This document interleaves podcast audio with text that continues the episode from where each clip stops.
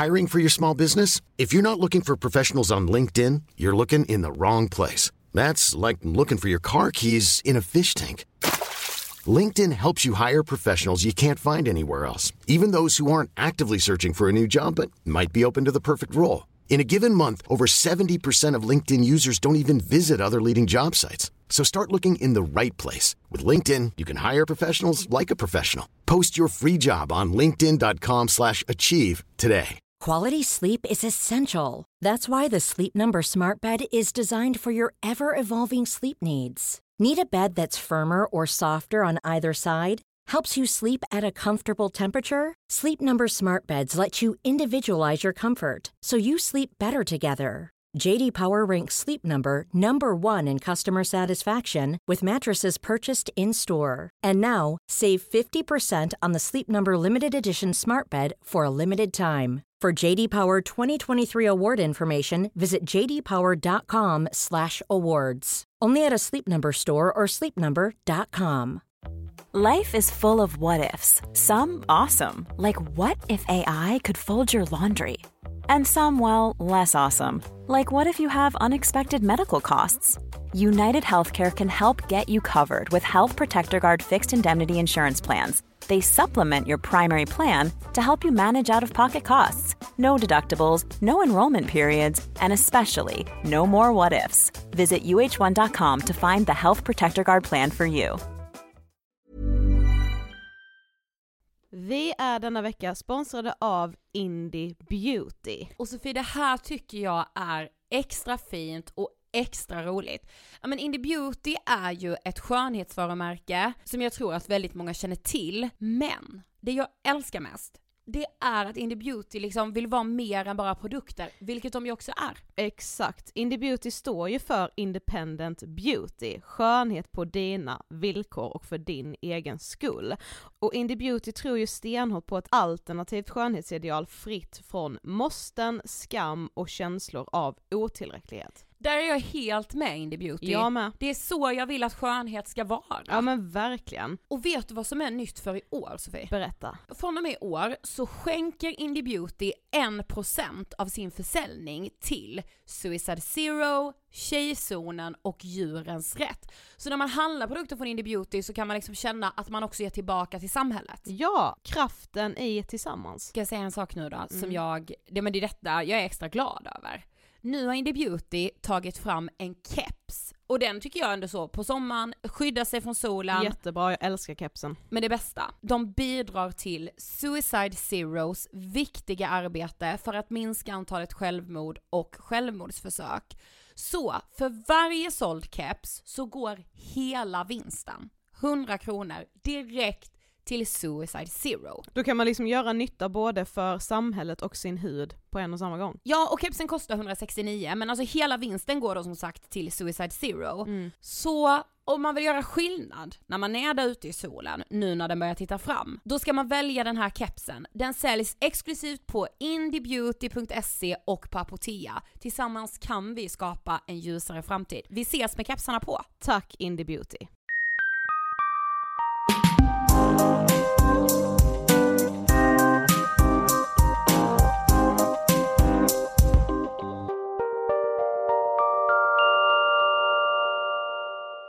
Hej på er och som vanligt så är ni hjärtligt välkomna till Ångestpodden och avsnitt 119. Hej! Vet du vad? Nej. Eh, senaste tiden har jag hört alla hatar så här klämkäcka som bara hej välkomna till Ångestpodden! Så som vi har varit lite. Vadå att de hatar att vi gör det eller att man Inte- hatar klämkäckheten eller? Man hatar klämkäckheten något otroligt. Jaha. Jag har insett att jag kanske gör det själv också. så därför föraktar jag mig själv eh, lite. Förstår du mig? Ja, men samtidigt så har vi sagt typ samma hälsningsfras nu i 119 avsnitt. Mm. Så varför ändra på ett vinnande koncept? Ah, vad fint Sofie. ja, ja men faktiskt. eller hur? Ja, alltså hur går dina tankar idag? Det är ändå onsdag och vår. Ja. Va, jävlar vad vår det är idag, jag att säga. Ja. Så jävla gött. Jo men mina tankar eh, eh, går väl till att eh, jag är peppad på det här avsnittet. Ja, du jag är verkligen med dig, men innan vi går in på det, Mm. alltså vet du vad jag har gjort för mediaspaning senaste veckan? Nej. Jag har börjat se, Nej. vet, ja. ja men du fattar, ja. jag har börjat se senaste tiden nu, Mm. eh, massa mediemän, Mm. ja men så här, man pratar om vita kränkta män, Mm. då vad menar man? Mediamän menar man ju. Eller Nej, vad menar du? när man pratar om vita kränkta män, Ja. Då menar man ju liksom medelålders män överlag, Mm. eh, som alltid liksom, som inte förstår riktigt varför feminismen helt plötsligt har pl- ploppat upp någonstans. Mm. Och sen kan man prata om vita kränkta mediemän. Mm. Och då adderar man att de även rör sig i mediebranschen. Mm. Och jag har gjort en spaning, Mm. nämligen att jag tycker mig se att vissa av de här så kallade mediamännen som sitter liksom på höga poster, som har mycket makt, känner sig lite hotade nu. Mm. Då börjar det bli det så här, jag med. och vet du vad man gör då?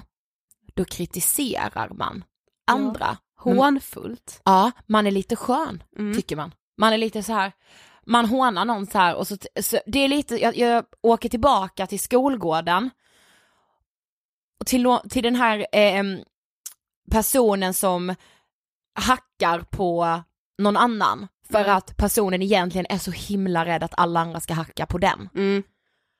Så det därför är- tänker man att, och det är det jag ser hos de här mediemännen, Mm. man hånar andra öppet och man raljerar över eh, saker hit och dit som man tycker så här, gud det där suger det där är så dåligt, hur kan folk lyssna på det? För att man tycker att de som lyssnar på en, de ska vara med, de ska Mm. peppa där på skolgården. Fattar du vad jag menar? Precis. Ja, det, Det blir lite, ja. Men man ska ju komma ihåg med att det, man, man slänger, eller så här, uttrycket vita kränkta just mediamän Mm. finns ju liksom som, ett, e- som en egen grupp kränkta män. Ja. För att det här, sånt som pågår bland mediamännen pågår ju egentligen överallt men det syns ju inte på samma sätt. För Nej. att de här mediamännen är ju oftast väldigt stora i sociala medier, de skriver liksom för stora tidningar och så här. Mm. Men sånt pågår ju liksom hela tiden. Ja. Inte bland alla män. Men, Men du fattar vad jag menar? ja. Och jag tycker det är så himla tråkigt klimat bara. Mm. Eller så här, jag blir förvånad när jag ser det och Mm. när jag så här hör det. Mm. så tänker jag så här, men va? Och ofta så de som man ser så här, som känner sig lite hotade och som är rädda att någon ska ta deras herre på täppan plats, Mm. de har ju kanske haft den här maktpositionen, mest läsare, mest lyssnare, för att det de har gjort har varit så otroligt bra. Mm. Och då blir jag så himla ledsen när jag ser så att man, nu när man är rädd och känner, känner att platsen är hotad där uppe liksom, högst upp på toppen, Mm. då sparkar man neråt. Och det tycker jag är, det är aldrig okej. Det finns ju aldrig någonting som är så tråkigt som när man har haft förebilder som man liksom har sett upp till under så lång tid och som har gjort någonting som man liksom verkligen såhär wow, Mm. när de bara sjunker i ens ögon fastän man typ knappt vill det. Jag Alltså vet, man bara, nej nej nej nej nej, alltså ni får inte göra så eller ni får inte säga så liksom för det, Ja. det bryter helt den bilden jag har haft av er. ja precis. Ehm, ja, det är tråkigt. Och någonting som jag själv stör mig på helt sjukt mycket och det kommer vi typ in lite på avsnittet idag också. Men det är det här liksom sättet att kritisera genom att ifrågasätta Ja, på ett helt fattar. sjukt sätt. Alltså, Du, vet, man, vad man ens kommer med för förslag så ska det ifrågasättas så Mm. jävla mycket. Man Ja. bara, men fråga inte så mycket, bara lyssna på det jag har att säga eller Ja. bara titta på det jag har gjort nu eller läs det jag har skrivit. Ja du vet man hinner nästan inte börja förklara Nej. för det kommer en fråga. Nej, precis. Det Och kommer man bara- fråga det, man bara, jag har inte pratat klart. Nej, jag kommer Snälla. komma till det här. Låt mig sätta en punkt Mm. innan du kommer med dina jävla eh, frågeställningar. Jag förstår vad du menar Ja, Sven. det är skitstörigt. Ja, men det får vi nästan ta ett helt avsnitt om. Ska Ja. vi döpa det till vita kränkta media? det, är- det är absolut inte bara mediemän som... Det är eh, absolut inte bara män heller, där ska vi komma Absolut ihåg. Det är inte. många som ifrågasätter på ett störigt sätt. Ja, men, nej men vet du vad jag mer känner? Alltså Nej. vi har fått så mycket avbokningar till podden senaste. Jag är Ja. jätteledsen. Så eh, ni får jättegärna önska gäster. Det har blivit så här, ah nej nu avbokade, ja vi kan ju säga tycker jag faktiskt, vi skulle podda med en jättekänd politiker för vi tänkte så här, nu är det dags. Mm. Blev avbokat. Mm. Det du vad ju- ledsen jag blev? Ja det blir jag med men sen samtidigt alltså det är ju inte kanske hans fel, vi vet ju inte är vem det är som har sagt nej men kalendern blev liksom eh, översvämmad. Och så plockade man bort ångest på den. Ja hur Jag kan man vara så, det. hur kan vi vara så lågprioriterade? Vi bara slår på stora trumman. Nej men om ni liksom så här, vad vill ni vi pratar om nu inför, inte så här, vad vill ni vi pratar om, vi har ingen idé. Ehm, det har vi, men nu har vi faktiskt lite så här tidspress. Mm. Så vad vill ni ha närmaste veckorna i podden? Mm. Vill ni kanske att vi ska prata om någonting vi redan har pratat om fast göra det igen? Mm. Eh, vill ni kanske ha en till frågepodd? Ja. Eh, ja men skriv till oss vad ni vill att vi ska ta upp i podden. Mm. Mm. Okej, för den här veckan så har vi ännu en otroligt härlig podd-collab. Ja, alltså jag känner bara det att jag älskar den här poddcollabs-grejen som eh, många liksom ändå har börjat med nu. Det är det bästa jag vet. Det är svinkul. Eh, för idag så gör vi en poddcollab med Karriärspodden och en stor förebild för oss, nämligen Eva Ekedal. Yes, och i tisdags så släpptes alltså ett avsnitt hos Eva, eh, i Karriärpodden alltså, där vi ju gästade Mm. henne. Och gud Sofie, alltså jag blev, när jag lyssnade på det blev jag helt så här: shit det här var en helt ny sida av oss. Mm, faktiskt, alltså även om vi pratar liksom om ångestpodden och sådär så pratar vi ändå mycket som vi verkligen inte har gjort innan. Nej men hon började gräva i oss. Ja, och så här, jag kände ju själv när vi satt där att du sa saker som jag inte själv har tänkt på och jag Mm. sa saker som du kanske inte har tänkt på. Alltså så här, Precis. Ja. ja, det var intressant att göra den intervjun. verkligen, och den var, jag tror att, eh, gud så kan man inte säga om sig själv, jag tror den är intressant att lyssna på, vad är det för odräglig människa?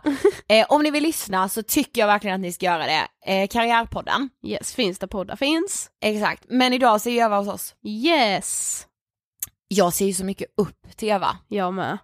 Tyckte du man hör det i intervjun? Eh, ja, och jag tycker att man hör att även ifall det liksom ändå är en viss åldersskillnad på oss så möts vi ändå på ett väldigt fint sätt tycker jag Mm. för att eh, det kändes som att vi hade gått igenom typ samma saker under liksom våra olika, du vet när vi gick i tonåren så hade Eva gått igenom typ samma sak och så här. Eh, så ja, det var, det var också en väldigt intressant intervju att göra för vår del. Ja men det är så här att Eva är ju liksom, ja men hon är en sån här supercool kvinna Mm. eh, som hon driver bolag, hon har suttit på ledande positioner och hon, hon har verkligen så här eh, gjort en karriär. Mm. Eller i alla fall det som man anser är karriär. En lyckad karriär. Precis, och jag och Sofie, eh, vi älskar ju att prata om psykisk ohälsa såklart, det vet ni ju. Men också att prata om så här entreprenörskap och främst att fler kvinnor ska driva bolag. Mm. För idag så är det bara 6% av alla bolagsmän i aktiebolagens bolagsstyrelser som är kvinnor.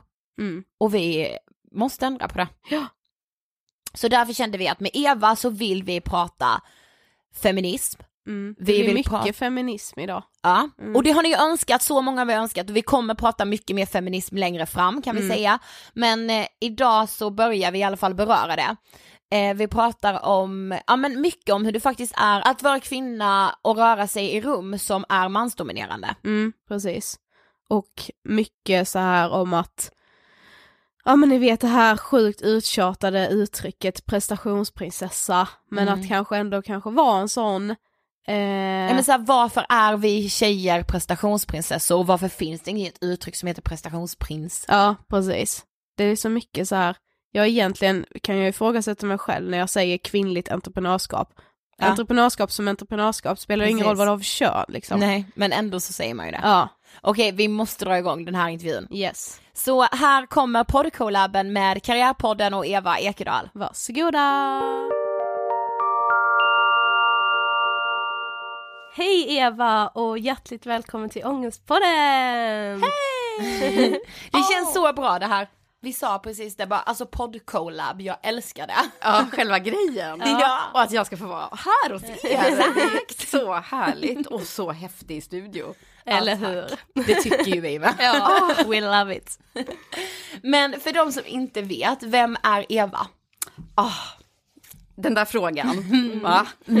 Den ställer jag ju själv ofta. Ja. Och den, då tänker man ju så här, hur svårt kan det vara? Men det är ganska svårt att sammanfatta sig själv i bara några meningar.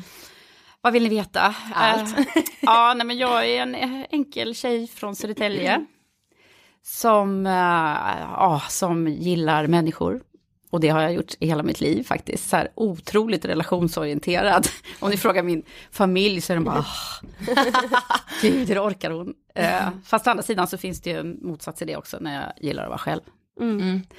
Men jag är uppvuxen där tillsammans med eh, min familj som består av mamma och två syskon, äldre syskon, så jag är lillasyrra. Mm.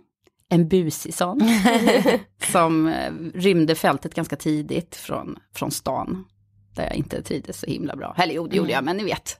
Ah, det kommer vi säkert att prata om tror jag. Ja, så. Högstadietiden och det här hitta sig själv. Och, Ja, nej, det tyckte jag var ganska jobb- jobbig tid.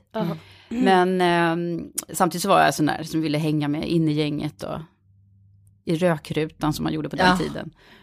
och så. Gud ja. Ja. Men sen ägnade jag mina första år igen att resa, för det var det som jag, så att jag jobbade i resebranschen.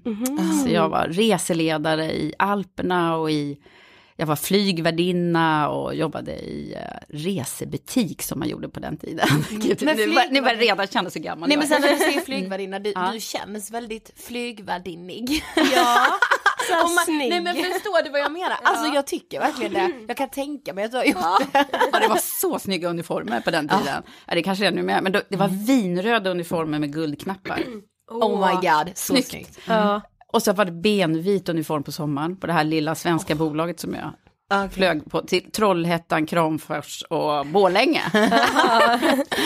Sen så eh, gav jag mig in på det här med, med människor på olika sätt. Jag blev chef när jag var 26 år. Oj, ja. Och det var ju sådär, ah, då gjorde jag säkert alla misstag man kan göra som, som chef och ledare. Fast jag var glad och engagerad och jag tror det var därför jag fick jobbet faktiskt. Ja. Eh, och, eh, och det var jag då i resebranschen till att börja med. Eh, men sen så kom jag mer och mer in på rekrytering och utbildning utav personal då. Eh, så att jag blev personalansvarig på Stockholm Sightseeing bland annat har jag varit på. Så på hemmamarknaden. Aha. Eh, men eh, när jag började få barn då, efter två barn, det blir en ganska lång story där. Ja, det gör Nej men det gillar vi. Ja. Jag har två barn. Och då så blev det mer och mer viktigt att kunna vara ledig på sommaren och ni vet det här, hantera Ja. hela livet. Mm. Så då var det inte så himla bra att vara personalansvarig på Stockholm Sightseeing som eh, bara brinner på sommaren liksom. Ja. Så då sökte jag mig till en ny spännande bransch som det faktiskt var då. Och det var ju bemanning och rekryteringsvärlden. Så, För det var nytt kan man säga, att eh, bemanningsbolagen började växa så stort. Så då jobbade jag på Manpower. Det var där jag lärde mig intervjuteknik faktiskt, på Ah. riktigt. Mm. Jättebra bolag. Nej, men eh, det var väldigt bra och sen så jobbade jag som headhunter i många år som egen företagare i mindre sådana här paraplyorganisationer som man har i, i den branschen. Eh, Och började jobba med ledarutveckling och så. Men sen så pluggade ju, jag fick ju jobb så himla tidigt och, och så, det gick så himla fort och så bra så att jag pluggade lite senare. Så att jag ju, har ju pluggat till samtalsterapeut. Mhm. Ehm, och det gjorde jag därför att jag kände att det var så spännande att komma nära människor och förstå hur de fungerar och varför folk gör som de gör och vilka som fungerar bäst eh, och när man fungerar bäst, liksom, Mm. när man mår bäst. Så att då pluggade jag psykosyntes eh, som jag har använt mycket. Jag var terapeut en dag i veckan tidigare, men så jobbade jag med grupper och ledarutveckling och sådana grejer och, och får väldigt mycket glädje av den där utbildningen. Mm. Kan jag verkligen Ja tänka mig. verkligen jag med. Mm. Ja, så att den har bara tillfört mycket. Sen var jag chef igen för ett annat rekryteringsföretag. Eh, och eh, så, så att jag har, jag har egentligen kan man test, säga gått in och ur både anställningsform och egen. Och varit chef och ledare och inte varit det under en period och så. så att, eh, och nu har jag hittat hem. Ja. För nu är jag ju entreprenör precis som ni Ja. och bygger bolag och det är så kul. Ja det är ju absolut det roligaste jag har gjort i hela mitt liv. Ja. Eller hur? ja, ja, ja, gud ja. Men nu ska du ju få standard äh, ångest på den frågan. Mm. Vad tänker du på när du hör ordet ångest? Åh. Ja, alltså. Det, det, det liksom börjar krypa i kroppen när jag, när jag hör det ordet faktiskt. Eh, och det är ju det här med oron som eh, jag tror att alla någon gång i livet känner mer eller mindre liksom. Mm. Eh, men det är klart att riktig ångest har ju kanske inte alla fått känna på. Nej. eh, vad det innebär. Det finns ju så många olika typer. Men alltså jag tänker på ah, oro. Mm. Men vad har du själv för relation till ångest då? Ja, Jag har ju varit allvarligt sjuk en gång. Och då kan jag säga att då tror jag att det var första gången jag själv fick känna på det på riktigt. Liksom. Och det var ju typ eh, liksom dödsångest nästan eh, som jag hade då. Och, och också med starka mediciner och sådär som påverkar och som kan ju trigga ångest. Mm. Eh, så det, och det var egentligen ganska nyttigt för mig också, som jag som har sett andra människor kanske eh, må dåligt mellan varven. Eh, och jag har också nära till mig som, som ibland eh, som har panikångest och sådär. Så att det, det, det, är ju- det är inget främmande för mig och jag är, inte, jag är inte rädd för det heller utan tycker på något sätt att det kan komma något bra ur ångest också. Mm. Det kändes jätteviktigt, alltså nu när du sa det så här, bara att det var nyttigt för dig. Ja, Alltså jag tror det är det Ja. för alla att så här, gå igenom riktigt tuffa perioder med mycket ångest, med mycket verkligen så här, psykiska påfrestningar. Mm. Alltså hur otroligt nyttigt det är. ja. För man lär sig dels så himla mycket om sig själv, men också lär man sig ju genom det så mycket om alla andra med på något sätt för att man blir, det känns som att man blir mer human, är det rätt ord att säga? Liksom, Ja. för Det känns som att man kan se andra människor också på ett helt annat sätt, att man blir mer så här förstående inför andras mående och så här, för har man själv mått piss så fattar man ju att alla andra också kan göra det Ja, liksom. ja, men lite så. Och sen tror jag att när man det här, eh, brukar ni prata om den här eh, eh, livs, eh, kriskurvan menar jag. Mm. Kriskurvan. Ja. När, man, när man går ner i en, alltså när man har det jobbigt i livet av olika anledningar, eller om det är en, en, en, en ångestattack eller vad det kan vara, så Mm. är det ju ändå så att när man kommer ut i den här krisen, så kommer man oftast ut på en högre nivå. Alltså den här kurvan går ju liksom, Ja. ja, nu kan jag rita i luften här. Ja. Eh, Ja. ja, man kommer ju ut på en väldigt mycket högre Ja, nivå. och det där, det där tror jag man, det fattar man ju när man har varit nere Ja. i, i det. Och sen Mm. bara, helt plötsligt ser man livet lite ljusare, lite klarare Mm. efter det där. Ja. Även om det kan gå olika lång tid förstås. ja, precis. Men vi tänker ju genom den här collaben då mellan Ångestpodden och Karriärpodden att vi ska ändå fokusera lite på ett ämne som vi tycker är jätteviktigt och väldigt intressant. Men just det här med att vara kvinna och driva eget och som kvinna liksom så här våga sticka ut hakan och liksom armbåga sig fram lite som man måste göra ibland. Jo, så här ta plats. Ja, och det här urmjölkade citatet liksom prestationsprinsessa. Men vi tänker att vi ändå liksom får eh, ta det lite från början och vi gillar ju att höra liksom hur folk har haft det när de växt upp och så.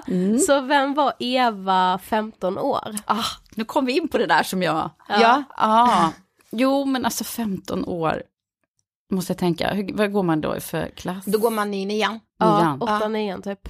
Ja. Ah, då var jag jättekär. typ. Nej men, eh, eh, mycket pojkvänner.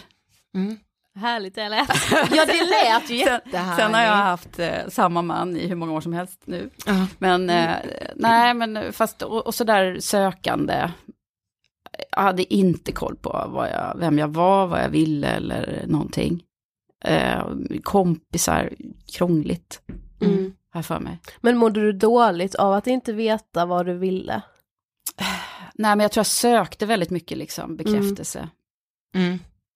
Det, det gör man ju mer eller mindre hela livet. Det, det, kan jag, det gör jag fortfarande på något Ja. sätt. Eller, och, det, och jag tycker att det är så häftigt när man kommer på att det, det behöver alla, liksom. Ja. Även de här riktigt gamla männen och kvinnorna som har lång erfarenhet och så. Ja, men de behöver också bekräftelse. Ja. Det är lite befrielse för det känns ju ibland som en börda. Att Ja. man är bekräftelsetorsk på något sätt. Ja. Så det är en befrielse att förstå att alla söker bekräftelse på olika sätt. På Liksom. olika sätt, ja. Mm. Mm.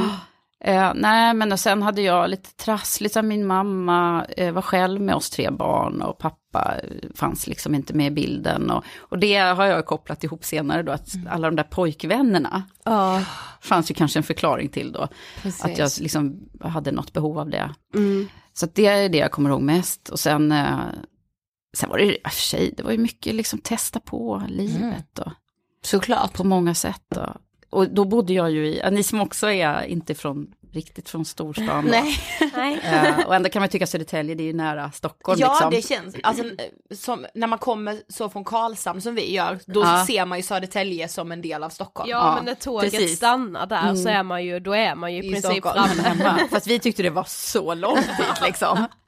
Och det var så här, ska du upp till Stockholm? Jaha, det var jätte... Och de som gick ut och så hade kul här uppe då när vi var 15, det, det var ju liksom, det kändes jättelångt och Ja. läskigt.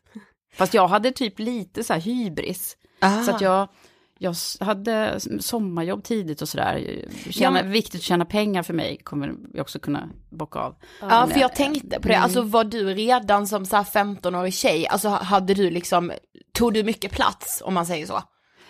Eller hade du lätt för det? Jag var en sån där som räckte upp handen liksom, och som Mm. hördes i skolan. Eh, Inte blyg, men eh, inte, jag tror inte man skulle säga att jag tog över liksom. Eller Nej. sådär. Men eh, jag, man hör och ser mig liksom, och Mm. jag tar, tar gärna utrymme. Men då när jag åkte, då sommarjobbade jag i, på en restaurang i Stockholm och åkte liksom, då kanske jag var några år yngre än 15, kanske så här 14, 13, 14, ganska liten egentligen. Ja. Alltså. Då åkte jag själv på kvällar och sådär fram och tillbaka med pendeltåget och jag vet att jag var lite rädd liksom. Ja. Men jag gjorde det. Ja. Så att i och för sig, det där att liksom gå utanför den där trygghetszonen, det, det började jag, det vågade jag testa ganska tidigt. Mm. Eh, och jag vet inte var det modet kom ifrån, men det, jag tror att det är nyfikenheten som drog mig mest, och pengarna. Ja men alltså du är ju en väldigt framgångsrik kvinna, alltså vi tycker du är så cool. Och så här, vi sa inte det när vi så här, pratade om den här collaben att göra, när vi bara, alltså Eva är så jäkla cool. Eh, och jag tror liksom att många ser dig som, ja men i alla fall det som man idag kallar så här framgångsrik. Då ser man liksom en sån som du. Eh, men eh, Gud, jag tycker det är ni som är coola som gör det här redan nu. Vi ska vända på den här, det här samtalet snart. Nej men och vi sa ju det, alltså du är ju med så här kvinnlig entreprenör och med allt vad det innebär. Ehm, och vi brukar så här tänka utan att så sätta på sig någon slags offerkofta som kvinna. Men så här, det är ju inte lika enkelt att vara kvinnlig entreprenör som det är att vara manlig entreprenör. Tyvärr. Nej. Eh, men hur skulle du beskriva det att vara kvinnlig entreprenör i dagens Sverige liksom? För de här frågorna, alltså vi älskar ju dem, vi brinner så mycket för dem och vi har förstått att våra lyssnare vill höra mer om just det här. Ja, nej men det pyr ju verkligen den här frågan som du, som du lyfter nu. Och, och vi pratar jättemycket om den också. Det är bara att titta på de här siffrorna som kommer nu om, om eh, riskkapitalisterna, att det liksom är så få procent som, som läggs på, på kvinnliga entreprenörer. Så där, det finns ju liksom ett, en, en felfaktor någonstans i hela den här diskussionen. Ja, och vad beror den på? Alltså jag har ju inget enkelt svar, mer än att vi behöver, vi behöver stå starkare, både tillsammans och eh, eh, själva i den här, att stå på oss helt enkelt, för vi är så jävla bra. Exakt! ja, nej, men har så mycket att komma med, som, och jag, jag tycker ni är så häftiga som gör det här. Alltså, när jag träffade er första gången Ja, så var jag bara helt så här, Ja. Ja, men jag var verkligen så förtjust över att bara, bara höra er ta er fram på det här sättet som ni gör. Och, är så coolt. Verkligen. härligt. Jag skulle, och jag, jag skulle önska att jag hade liksom kommit på lite de här grejerna som ni gör redan nu. För jag tror nämligen att det här med kvinnlig, den här debatten som är så stark nu, den fanns inte när jag var i er ålder. Men hur sätt. pratade man kring, alltså så här, hur pratade man kring det då liksom? Nej, alltså det var lite bortglömt det här med feminist och, och Ja. så. Det var nästan lite fult att vara det under den här perioden när jag växte upp. Det var så här, för våra mammor och, så som eventuellt var feminister, de stod ju på barrikaderna och skrek liksom. Och var de här grupp åtta. Ja, precis. Mm. Eh, Och, och det vet inte jag riktigt, det var liksom ingen förebild som man kände att eh, det där var ingenting eh, som jag ville förlika mig med då. Så att det här har liksom kommit ikapp mig senare i livet kan jag säga. Att jag har liksom kommit underfund med att gud, jag har sämre betalt än manliga kollegor och eh, jag har suttit i en ledningsgrupp där vi var bara två kvinnor av det var en stor ledningsgrupp, jag tror vi var 15-16 stycken, med bara män. Och bara den liksom känslan av hur, hur, en, hur man kan känna som en, nästan som en minoritet då. Och då var jag den enda samtalsterapeuten kan jag säga, i det där gänget, alltså som vill, ni vet, prata om Ja, mänskliga ting och och- ja. hur känns det här och så. Och det, ja, men det är så mycket grejer som har gått upp för mig längs resans gång. Mm. Men det kan jag med säga att det har gjort för mig för att Ja. när bara jag ser tillbaka på när jag kanske var 15, 16, 17 liksom. Eh, vi, jag skulle alltid säga att vi har varit väldigt drivna och så här. Men jag tycker då fanns inte heller någon så här bra feministisk förebild. Eller i, i alla fall ingen som jag liksom kunde relatera till heller. Så det blev typ att de feministerna som stack ut och märktes, det var de här liksom råfeministerna säger jag nu, det blev liksom för mycket. Jag kände också att bara, nej men det kan inte jag stå för det de säger för jag kunde liksom inte relatera. Det är ju typ nu när vi har startat eget som man verkligen ser de här strukturerna som man egentligen faktiskt inte riktigt trodde på Nej, när man var man tror yngre. inte att det är sant. Nej, alltså det är lite så, och jag förstår att har man inte själv upplevt de strukturerna så är det typ svårt att tro att det är så och det låter som att kvinnor ja men lite sätter på sig en offerkofta och lite har det att skylla på att nej men det går inte lika fort för oss för att så ser strukturerna ut eller vi blir inte tagna på lika stort allvar men när man har en sån här fråga som man brinner för så extremt mycket och en affärsidé som man tror på så jävla stenhårt då är det jättefrustrerande att inte bli tagen på allvar. Och Jo, på- på se manliga, kön, liksom. ja, se manliga kollegor Hey, it's Paige DeSorbo from Giggly Squad. High quality fashion without the price tag. Say hello to Quince. I'm snagging high-end essentials like cozy cashmere sweaters, sleek leather jackets, fine jewelry, and so much more. With Quince being 50 to 80% less than similar brands. And they partner with factories that prioritize safe, ethical, and responsible manufacturing. I love that. Luxury quality within reach. Go to quince.com slash style to get free shipping and 365 day returns on your next order. Quince.com slash style. I'm Sandra, and I'm just the professional your small business was looking for. But you didn't hire me because you didn't use LinkedIn jobs. LinkedIn has professionals you can't find anywhere else, including those who aren't actively looking for a new job but might be open to the perfect role, like me. In a given month, over 70% of LinkedIn users don't visit other leading job sites. So if you're not looking on LinkedIn, you'll miss out on great candidates like Sandra. Start hiring professionals like a professional. Post your free job on linkedin.com/achieve today.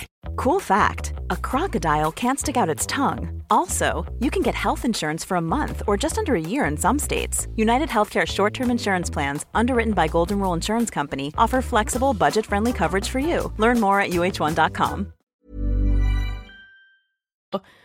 blir tagna på allvar hur enkelt som helst. Ja. Det finns, har ni hört talas om det här med sympatidilemmat? Nej, berätta. Eh, det, vi brukar prata en del om det i Women for Leaders då, som jag ju driver nu då.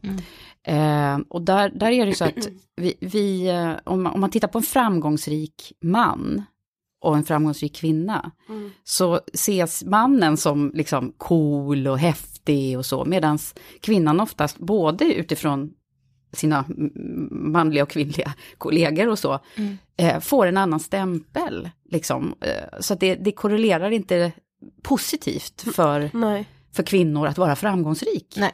Vilket ju är helt sjukt. Det är Ja. helt sjukt. Så att, eh, och det där, eh, då kallar man det för sympatidilemmat därför att det liksom är att vi, vi, har, vi får inte samma sympatier om det skulle vara så att vi blir framgångsrika. Utan då börjar man att, ja den där, hon tror att hon är något, eller Ja. kaxig eller eh, ja, att man tar för mycket plats till Mm, exempel. precis. Och så. Men, men vad har ni fått höra där då? allt känns det som. Nej men sen så jag bara vill gå tillbaka till det med innan vi fortsätter, som jag tänkte på just att vara ung och det här när man inte har förstått så här riktigt kanske feminismen, för det tog verkligen tid för mig också att förstå så här vad innebär det?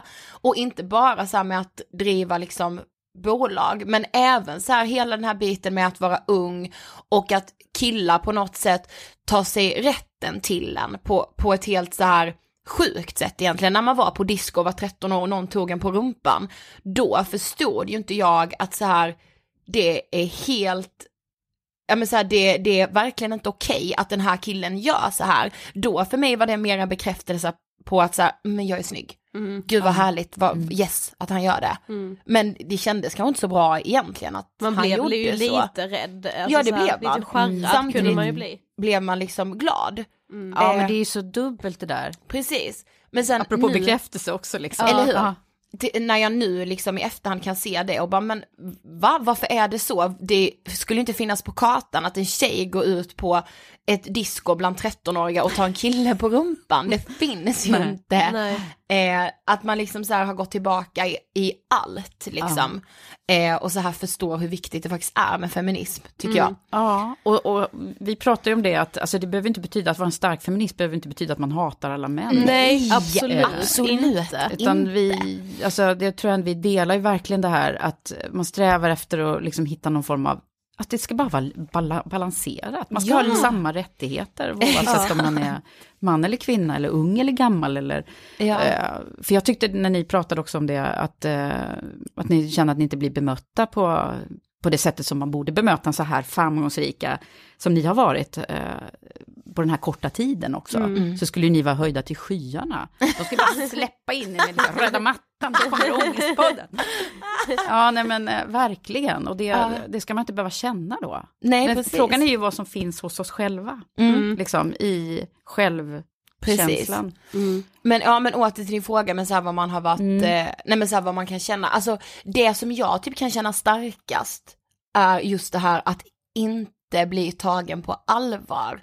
Att det är så här, ja men att jag på något sätt känner att man blir, inte, förlöjligad är fel ord, men lite så här gullad med på något sätt. Mm. Förstår ni vad jag menar då när jag säger så? Mm, mm. Eh, Klappad på huvudet lite. Precis. Ja, och lite så här, det, jag känner ju att det är tur att jag träffar personer, ja men som dig Eva, eller som de som vi faktiskt jobbar med, som faktiskt är bra på att eh, ge oss beröm och liksom de tror på våra idéer lika mycket som vi själva gör. För hade vi inte haft dem i vår närhet, då hade jag nog själv kanske gett upp nu för att vi har stött på så mycket motgångar är fel att säga, men så mycket gullande längs med vägen att jag hade börjat tvivla på mig själv liksom. Mm. Tror jag. Eh, jag vet Men, inte men gull, känns- gullar de med er? Ja men alltså så här, när man liksom har suttit på ett möte, typ i början när vi liksom satt på möten och liksom berättade om våra affärsidéer liksom innan vi egentligen hade byggt vårt företag, när vi fortfarande bara hade podden liksom och så här, ja man berättade och det var mycket så här, ja men jaha, hur ska ni tjäna pengar då? Och det var så mycket ifrågasättande och sen, eller ibland när man satt kanske på ett säljmöte och berättade om podden och vad vi gjorde och varför vi gjorde den, då var det så här, ja vad gulligt att ni är två bästa kompisar från en liten, från en liten by någonstans nere i Skåne som liksom pratar om detta och hjälper andra, Ja, gud, vad, fint. Alltså vad roligt att ni har en liten podd. Jag tror liksom inte att Filip och Fredrik skulle få den frågan. Två bästa kompisar som har en liten Nej, podd. just det. Eh, det var så här, Är Fastän de egentligen har alltså. exakt samma story, de kommer inte heller från en storstad, de flyttade också hit och bara möttes i ett mediebolag någonstans. Ja. Men de skulle aldrig bli ifrågasatta på det, På det sättet. sättet, nej. nej. Det är ingen som säger det till Alex och Sigge heller. Nej. Lägger huvudet på sned och så här bara, vad fint att ni pratar i en podd varje vecka Ja. killar. Men har ni testat några liksom eh, tricks på att Eh. bemöta de här? Nej men grejen är, alltså det, det hatar jag så mycket med mig själv. Men sen så här, man, man, I don't blame heller. Men just det här, man kommer ju på allt smart efteråt. Ja, just det. För i stunden sitter jag ju där och bara, Nej men man blir så jävla ställd ju så att man bara eh... Alltså man vet liksom Nej. inte. men har du med varit med? Alltså, så här, Ja men absolut, alltså, jag gör ju det fortfarande. Även fast jag tycker att nu borde jag väl veta lite bättre liksom, efter alla år. Och, och jag har ju liksom varit vd och chef själv. Och Ja. så har jag suttit och, men eh, det, jag tror verkligen att eh, man får jobba med det här hela livet. Och, och vi pratar en del om det i, i Women for Leaders också nu, att eh, vi ska ju inte göra om kvinnorna till män för att det Nej. ska behövas. Liksom. Man ska ju kunna vara kvinnlig om man vill och man ska kunna liksom både ha rött läppstift och glada färger Ja, och korta kjolar och se ut precis som man vill. Eh, men det är ju någonstans kopplingen där som, som blir något vajsing tror jag för många. Mm. Eh, men jag strävar verkligen efter att det ska inte behöva vara så här sänka rösten och bli, stå bredbent. Och Nej, vi alla, ska för inte det är behöva många som lär ut sådana grejer. Att Exakt. det är liksom, men det, just det att jag har testat det några gånger. Mm. Och det, det funkar ju. Ja. Alltså, eh, och så att det, det är klart att om man verkligen om man verkligen eh, vill någonting eh, Mm. extra mycket någon gång så kan man ju testa. Mm. Mm. Men jag är egentligen inte för att vi ska göra om oss, utan det ska gå Nej. bra ändå. Men eh, det handlar, jag tror att det är mycket som bor inne i oss själva. Mm. Tror ni inte det? Att det Jo. liksom, Absolut, Nu- nu- för det sitter ju så starkt rotat från liksom att man går på dagis liksom. ja, eller hur? Och att man liksom tror på sin egen idé och, och så, så starkt som ni gör. Det, Mm. det är liksom bara det är ju eh, the thing, verkligen, Mm. tror jag. Men har du något så här tips, alltså jag tänker liksom om man lyssnar på det här nu och kanske inte alls är liksom i den åldern att man driver eget och så här, utan man kan fortfarande gå i skolan. Fast vi Men, vill att fler kvinnor ska Ja. göra det. men man går kanske fortfarande i skolan och känner liksom att man kanske inte vågar räcka upp handen och ta så mycket plats. Man kanske känner att man blir överkörd liksom av sina klasskompisar och så här. Har du något tips på vad man kan försöka tänka för att våga ta mer plats? Mm. Eh, det, det är ju förstås individuellt mycket, men jag tänker så här, eh, i alla fall när man ska göra lite eh, utmanande grejer, Mm. eh, så kan det vara bra att tänka sig att man sätter på sig någon form av rustning eller mantel eller liksom någonting, att man får någon, eh, man får göra nå- några bilder för sig själv. Och det finns ju också det här trixet med att man ska tänka på stunder när man har varit, känt sig stark. Mm. Eh, Ja. I just de här eh, ögonblicken när man ska kanske ställa sig upp och prata eller eh, alltså att man gör affirmationer på att jag kan och jag tror på mig själv. Mm. Eh, och många har ju den här också att man tar eh, sitt lilla osäkra jag i handen liksom, att vi ska greja det här. Mm. Eh, det där har jag kört med några gånger, att man liksom, det här kommer gå bra. Mm. Eh, och sen när man ska tala så brukar man ju inte veta vad man ska göra av händerna och Ja, sådär. precis. Men det, det finns liksom massa knep som man kan ta till. Ja. Eh, som det är bra att träna på. För det, det, man behöver ju faktiskt träna på också att bli stark i sådana situationer. I säljsituationer och i, Absolut. på scenen Ja. och vad det nu Mm. är för någonting. Eh, och då, är ju, då, då behöver det inte bara vara de här mans, mansplaining-grejerna. Nej. Liksom, sänka rösten och stå bredbent. men eh, men eh, överhuvudtaget att känna sin egen styrka Ja. tror jag är det man ska träna på. Mm. Ja. Men du måste berätta mer om Women for Leaders, vi Mm. älskar ju det. jag med. Ja, nej, men det, det, jag startade det för ett år sedan tillsammans med min kompanjon. Så jag har ju en, också en själsfrände Ja. i det här, Sanna Ruterhill. Eh, och eh, vi, vi, vi kände ju inte varandra innan. Utan vi blev ihoptussade faktiskt utav en av mina gäster i Karriärpodden. Darja Isaksson var det som, som sa så här, ni måste bara träffas. För ni har precis samma liksom, driv kring det här med kvinnligt ledarskap och, och så. Så att vi träffades på en fika och sen bara så här var det så. Hon hade också varit vd, hon hade varit vd på en digital byrå och jobbat på Google i massor med år som försäljningschef och så. Så att det var så här rolig mix på våra kompetenser också. För att hon har inte riktigt då samma bakgrund som jag. Men det blev ju verkligen. Perfect match. Ja. Ja, och hon ville typ starta ett kvinnligt nätverk, det var det hon hade med sig då. Och jag ville ju bygga ledarprogram och sånt för kvinnor också. Så att, eh, vi har verkligen gjort de här grejerna. Vi har startat ett nätverk som är brett och öppet för alla, oavsett eh, ålder och erfarenhet och så. Som eh, bara så här, första träffen vi hade i höstas var det över hundra kvinnor som kom. Och, Så jäkla kul. Ja, det är sånt driv. Och jag tror Ja. att det handlar rätt mycket om att vi har liksom tagit fäste också i framtiden, liksom, att det här är de som vill vara med och leda och förändra Mm. framtiden. Och just det moderna ledarskapet som vi pratar om, alltså, det skulle man kunna säga att sä- sätta likhetstecken med det kvinnliga ledarskapet, men då blir det helt plötsligt så här, ah, det är så mjukt och gulligt, utan Ja. vi, vi kallar det för det moderna ledarskapet, vi hittar inget bättre ord. Nej. Men eh, alltså det som vi tror kommer behövas i framtiden, och där är jag faktiskt nyfiken på vad ni säger om det. Mm. Eh, för att vi tror ju att det, det, är, det är så annorlunda nu, man kan inte leda företag eller små eller stora företag på samma sätt som man gjorde Absolut. för några år sedan. Nej. Eh, så man måste ju liksom vara mycket mer snabbfotad och så. Ja. Jag tror ju att vår generation och den som är under oss är Främst den som är under oss märker jag typ så här på min lillebror, så de är så sjukt medvetna om så här, ja men feminism och hbtq och allt sånt där. Och de, de, de tycker det är väldigt viktigt.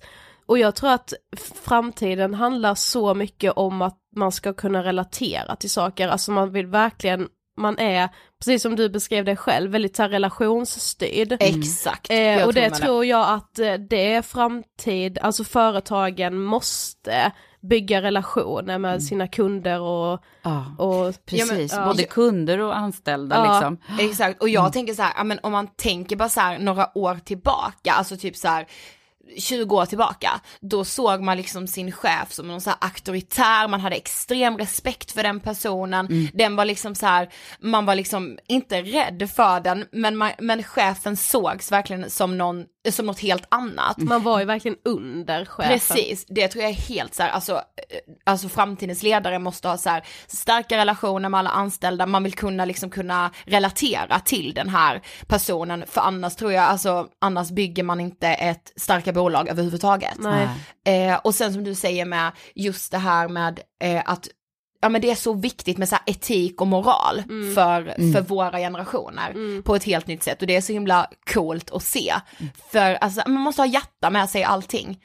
Eh, och ja, Ja, men det, det, inkluderande ledarskap pratar vi också om. Alltså att man, och det är kanske det, det ni ja menar men precis också. det är exakt det jag menar. Eh, Det alltså att få med sig alla och alla ska ha samma möjligheter, rättigheter, alla de här Exakt. självklara grejerna. Ja. Egentligen. Eller hur? Det är helt sjukt att man ska behöva sitta och prata om det här liksom, Ja. 2017. Ja. Ja, men eh, det, vi tror också jättemycket på det. Mm. Så vi har då ett, ett ledarprogram där vi eh, nu försöker samla in toppkvinnorna som ska vara med och leda de här framtiden, Mm. framtidens företag. Och de eh, siffrorna som vi har idag, de, har ni, brukar ni prata om dem? Nej, inte Nej. så mycket i, i Ångestpodden, Ah. men, men de är viktiga. Ja, nej, men jag relaterar till Allbrights siffror och de, där det är 6% av Sveriges börsbolag som leds av kvinnor. Och det är de siffrorna som har liksom etsat sig fast på min näthinna. Liksom, att så kan vi inte ha det. Eh, vi behöver förändra det där. Och, och då tänker vi att om vi förbereder fler för att vilja och kunna och få det här själv, det här som vi pratar om nu, känslan av att jag kan och vill, då, då kommer vi lyckas bättre än om vi liksom sitter och väntar på att vi ska göra om några till till män, några där uppe liksom. Exakt. Så, att, eh, och för- så det handlar ju liksom om att förändra kulturen och så i bolagen. Så där har ju vi tagit fram då en stämpel också, det har hänt så sjukt mycket på det här året. Eh, som heter Equal Employer, som vi nu eh, jobbar med de stora bolagen som vill bli bättre på jämställdhet. Att bli en mer attraktiv jämställd arbetsgivare. För de, många företag vill ju rekrytera fler kvinnor, men lyckas inte. Alltså de här ingenjörstunga bolagen och så. Och då kan man ju fundera på varför. Varför är det så få kvinnor som söker sig till teknik? Jo, därför att det är liksom så mycket manlig kultur och så som ligger där. precis. Och då måste man ju jobba långsiktigt. Och då har vi tagit fram den här stämpeln som hjälper dem på vägen att sätta upp mål och så. Så Telia är den första som vi jobbar med nu. Alltså det är så underbart. Ja men man älskar ju Telia för det. Ja, men det gör man ju. Telia det reklam, ja, eller eller hur? Här Helt osponsrat. Ja precis, helt osponsrat, men vi älskar dem för det. Men igår så läste vi en artikel som var skriven av eh, Nina Åkestam. Eh, där hon, I Metro va? ja, tror det var det, där hon skrev om så här, eh, fenomenet utbrändhet, eller fenomen, men alltså utbrändhet. Diagnosen. Ja, och att man, hon beskrev det lite som att så här, det är lite skönt att typ, för man, man säger ju ofta att det är oftast kvinnor som blir utbrända, och att det är lite skönt att så bara skyll, eller så bara man lägger över det på att ja men kvinnor blir så lätt utbrända men man gör liksom ingenting, man går inte till botten med varför kvinnor så lätt blir utbrända, typ som i vården, det har, sett, det har varit kaos i vården nu i så många år och man gör ingenting åt saken, det blir bara värre och värre. Ja men det är så man pratar om det, utbrändheten ökar, man har sagt det i tio år, ändå gör man ingenting åt det och hon menade på att eftersom det är fler kvinnor som blir utbrända än män så tycker man ändå så här att på arbetsplatserna att ja det kanske är så men man tycker inte att det är skönt att kvinnor blir utbrända men hon menade så här det är väl ingen chef som klagar på att på den här prestationsprinsessan säger jag med så här situationstecken som sitter kvar och jobbar till klockan nio på kvällen för det är väl ganska skönt för chefen när hon gör det och saker blir gjorda och det är väl ganska skönt för männen hemma när kvinnan står och viker tvätt klockan två på natten för att få livspusslet att gå ihop. Och hon menade så här, det handlar inte om att vi måste prata mer om det nu utan vi måste faktiskt göra någonting åt det. Alltså det vad var ju tänker väldigt bra. Ja, precis. alltså vad tänker du kring det? Alltså så här. Ja, Jag har ju själv varit en prestationsprinsessa. Ja. I, i, har varit säger jag. Därför att eh, jag fick ju liksom eh, också eh, sjukdoms... Eh, jag blev inte utbränd men jag fick ju liksom en, en fysisk sjukdom av att jag förmodligen hade stressat för mycket. Ja. Och, och eh, nej, men jag, jag är mer så här också förtvivlad över att eh, jag ser så många, när, det händer ju rätt mycket när vi bildar familj liksom. Det är ju då eh, det går i spinn för oss kvinnor oftast. För då ska vi liksom både vara bra mammor och sköta hushållen och dessutom göra karriär. Liksom. Och, och så ska vi vara snygga och så ska vi gå till gymmet och så, ja ni vet allt det där Ja. liksom. Och, det, och det, det är så uppenbart när man ser det. Jag- och ni, ni har inte kommit riktigt dit Nej. ännu, men jag hoppas att ni inte kommer att liksom, att ni kommer att se det på något helt annat sätt. Ja. Jag vet bara inte riktigt hur. Därför att det, det, eh, men det, det är så här, man, man skulle kunna tycka så här, det, det, att det ska vara okej att pausa sin, alltså om man nu jobbar så in, man kanske inte vill jobba 120-150 procent då. Nej, precis. Eh, och att det skulle vara ganska okej att få känna det. Den, det klokaste rådet jag fick när jag var hemma med, med barnen, för jag var jättestressad. Jag mådde ganska, jag älskar mina barn och var hemma med dem, men, men jag var så här, "Ah, mitt jobb liksom. För då var jag chef och, och jag fick in en, det kom en vikarie på min position, som började liksom, hon var jättebra. Ja. Så då var det så här, jaha, jag kommer ta mitt jobb kvar. För hon är så jävla bra, och här sitter jag hemma och matar barnen. Mm. Eh, och då, då vet jag att, eh, då pratade jag med en, en väldigt klok kvinna som psykolog, som sa till mig att Eva, du ska jobba till du är 65. Du kanske ska jobba i 30-40 år till. Och då kände jag lite så här, ja, Ja. jag ska ju faktiskt det. Ja, jag kanske precis. hinner. Ja. Och det har jag hunnit. Nej men alltså lite sådär att man, att man tillåter sig själv, för det, det är ju mycket som ligger hos oss. Nu säger inte jag att alla kvinnor ska gå hem och föda barn och vara hemma, för det tycker jag verkligen inte. Nej. Det ska delas lika, absolut, så mycket det går. Men vi, oftast är det ju så att vi vill också vara mammor på heltid liksom. Och nu har ju Sverige ett sånt himla bra land och att vi faktiskt kan vara det. Mm. Eh, nej men, eh, det, ja, jag vet inte om det där var något svar på det. Jo. Men prestations... Prinsessa, det där ordet, ja, ni har hört Bir- Birgitta Olsson hur hon eh, slår ner på det där också. Ja, men jag, Ja. jag gillar inte det ordet alls. Nej. Alltså eller så här, det klingar dåligt för mig på något Mm. Jag vet inte vad, så här. Men man slänger med det, alltså man Ja. hör ju det överallt. Och det Ja, men vad, och- berätta Birgitta Olsson, vad säger hon Nej om? men hon, hon, och det är ju den här duktiga flickor, liksom Mm. att man också ska eh, inte, inte se det som ett skällsord. Nej. Och pre- prestationsprinsessa låter ju lite som ett, det är ett negativt ord. Ja, för mig är det verkligen det. Ja, men det är ju de här som är, att man ska vara överallt och ingenstans på något sätt och vara duktig. Eh, man ska tillåtas vara duktig, men man ska vara det för sin egen skull. Mm. Ja men du sa att du var prestationsprinsessa, men hur har du liksom så med prestationsångest?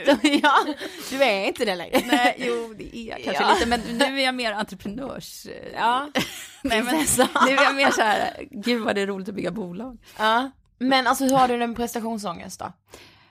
Eh, Ja men alltså det är väl, det är klart att det är en drivkraft som, som det verkar som om vi kvinnor har lite mer av just nu. Det är bara att titta på, på högskole, alltså det är två tredjedelar som är kvinnor som går ut som tar akademisk examen nu. The future is female, jag Yes. säger. Ja, nej men alltså det är ju också en prestation i sig. Mm. Så att det, det kan ju hända att, att det, ja, men det är våran revansch nu, helt enkelt. Jag tror det stämmer att vi kommer snart att ha vänt på det här liksom. Ja. Mm. Okej, vi har kommit till sista frågan. Ah. Vad inspirerar dig? Åh. Alltså det som jag tror inspirerar mig så mycket, det är när jag får, eh, som kontakt som jag får med er nu, att vi liksom, vi når varandra på något sätt. Och eh, att, eh, det låter ju konstigt, men nej, men det här med att hjälpa någon annan liksom. Jag fick eh, fundera mycket över det när jag, när jag pluggade till, till terapeut också, för att man ska ju inte hjälpa någon annan för sin egen skull. Nej. Eh, utan man ska ju hjälpa någon annan för att man verkligen vill Mm. hjälpa någon annan. Låter det konstigt eller? Nej, nej, nej, nej. Förstår. Eh, och, och det fick jag vända en del på.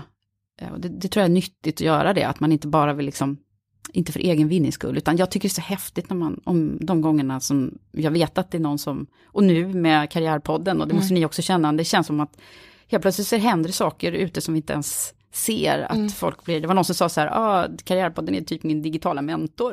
och det var bara, ja, det vill jag vara liksom. Ja.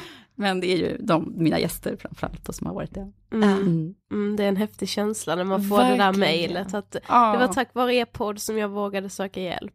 Det är lite Ah. svårt att fatta faktiskt. Ja men ni, det är verkligen vad ni har gjort bra ifrån er där. Alltså att de, eh, att ni lyckas lyfta den här frågan som är som ligger som en stor våt filt har, ge- har gjort i alla fall. Precis. Och som något konstigt som är alldeles, som sagt var, som var och varannan människa bär på. Mm. Alltså tack snälla Eva. Och tack för att jag fått vara med. Ja.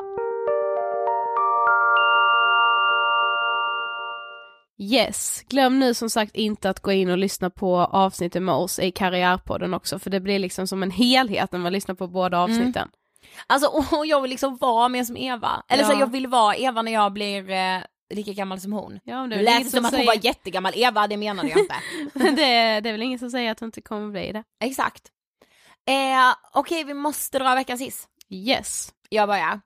För jag vill faktiskt hissa Evats initiativ Women for Leaders. Oh ja, vad bra. Ja men jag älskar ju det. Mm. Gå in på Women for Leaders, bli medlemmar, eh, så här, det här är inte sponsrat alltså, men jag tycker bara att det är så, så fett. Mm. För eh, the future is female. Just saying. Jaj! Slay! Eh, Okej, min veckans hiss. Eh, nu när jag var hemma så eh, tittade jag på det här programmet 30 liv i veckan som just Ah. nu går på SVT. Jag Eh, har inte hunnit se det nu. Nej, och jag var ändå så här, du vet, när jag insåg att bara okej men shit nu, det är ju det, idag ska jag titta på det liksom.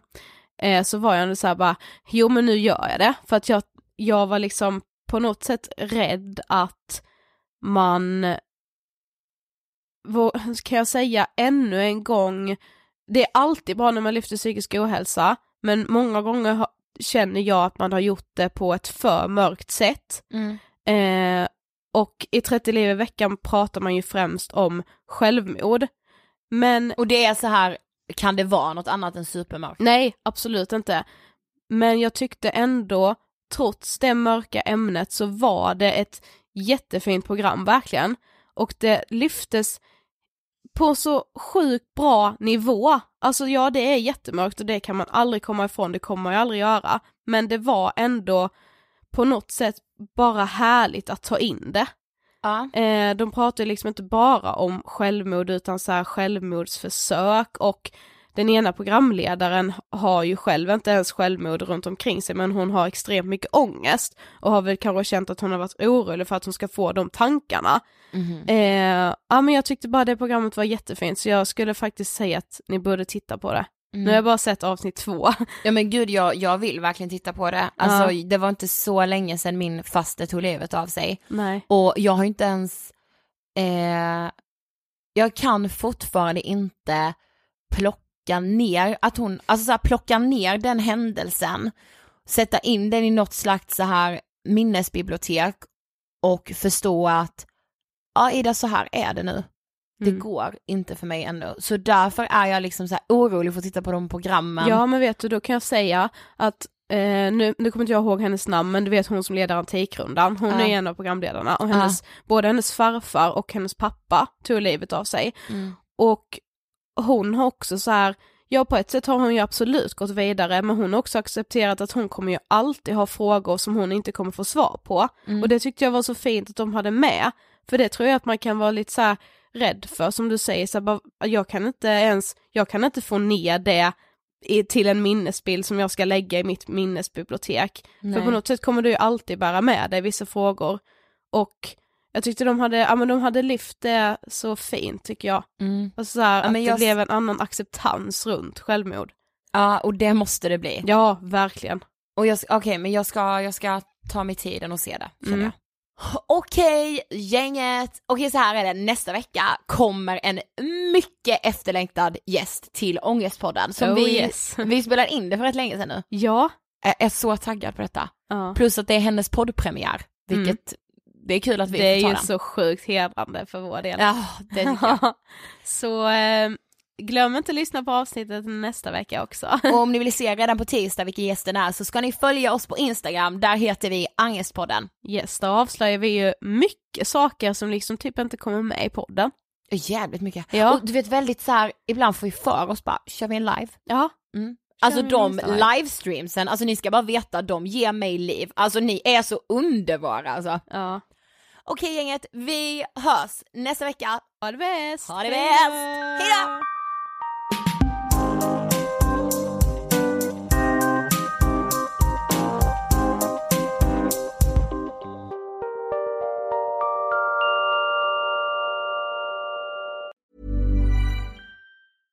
Imagine the softest sheets you've ever felt. Now imagine them getting even softer over time. That's what you'll feel with Bowl and Branch's organic cotton sheets. In a recent customer survey, 96% replied that Bowl and Branch sheets get softer with every wash. Start getting your best night's sleep in these sheets that get softer and softer for years to come. Try their sheets with a 30-night guarantee. Plus, get 15% off your first order at bowlandbranch.com. Code BUTTERY. Exclusions apply. See site for details.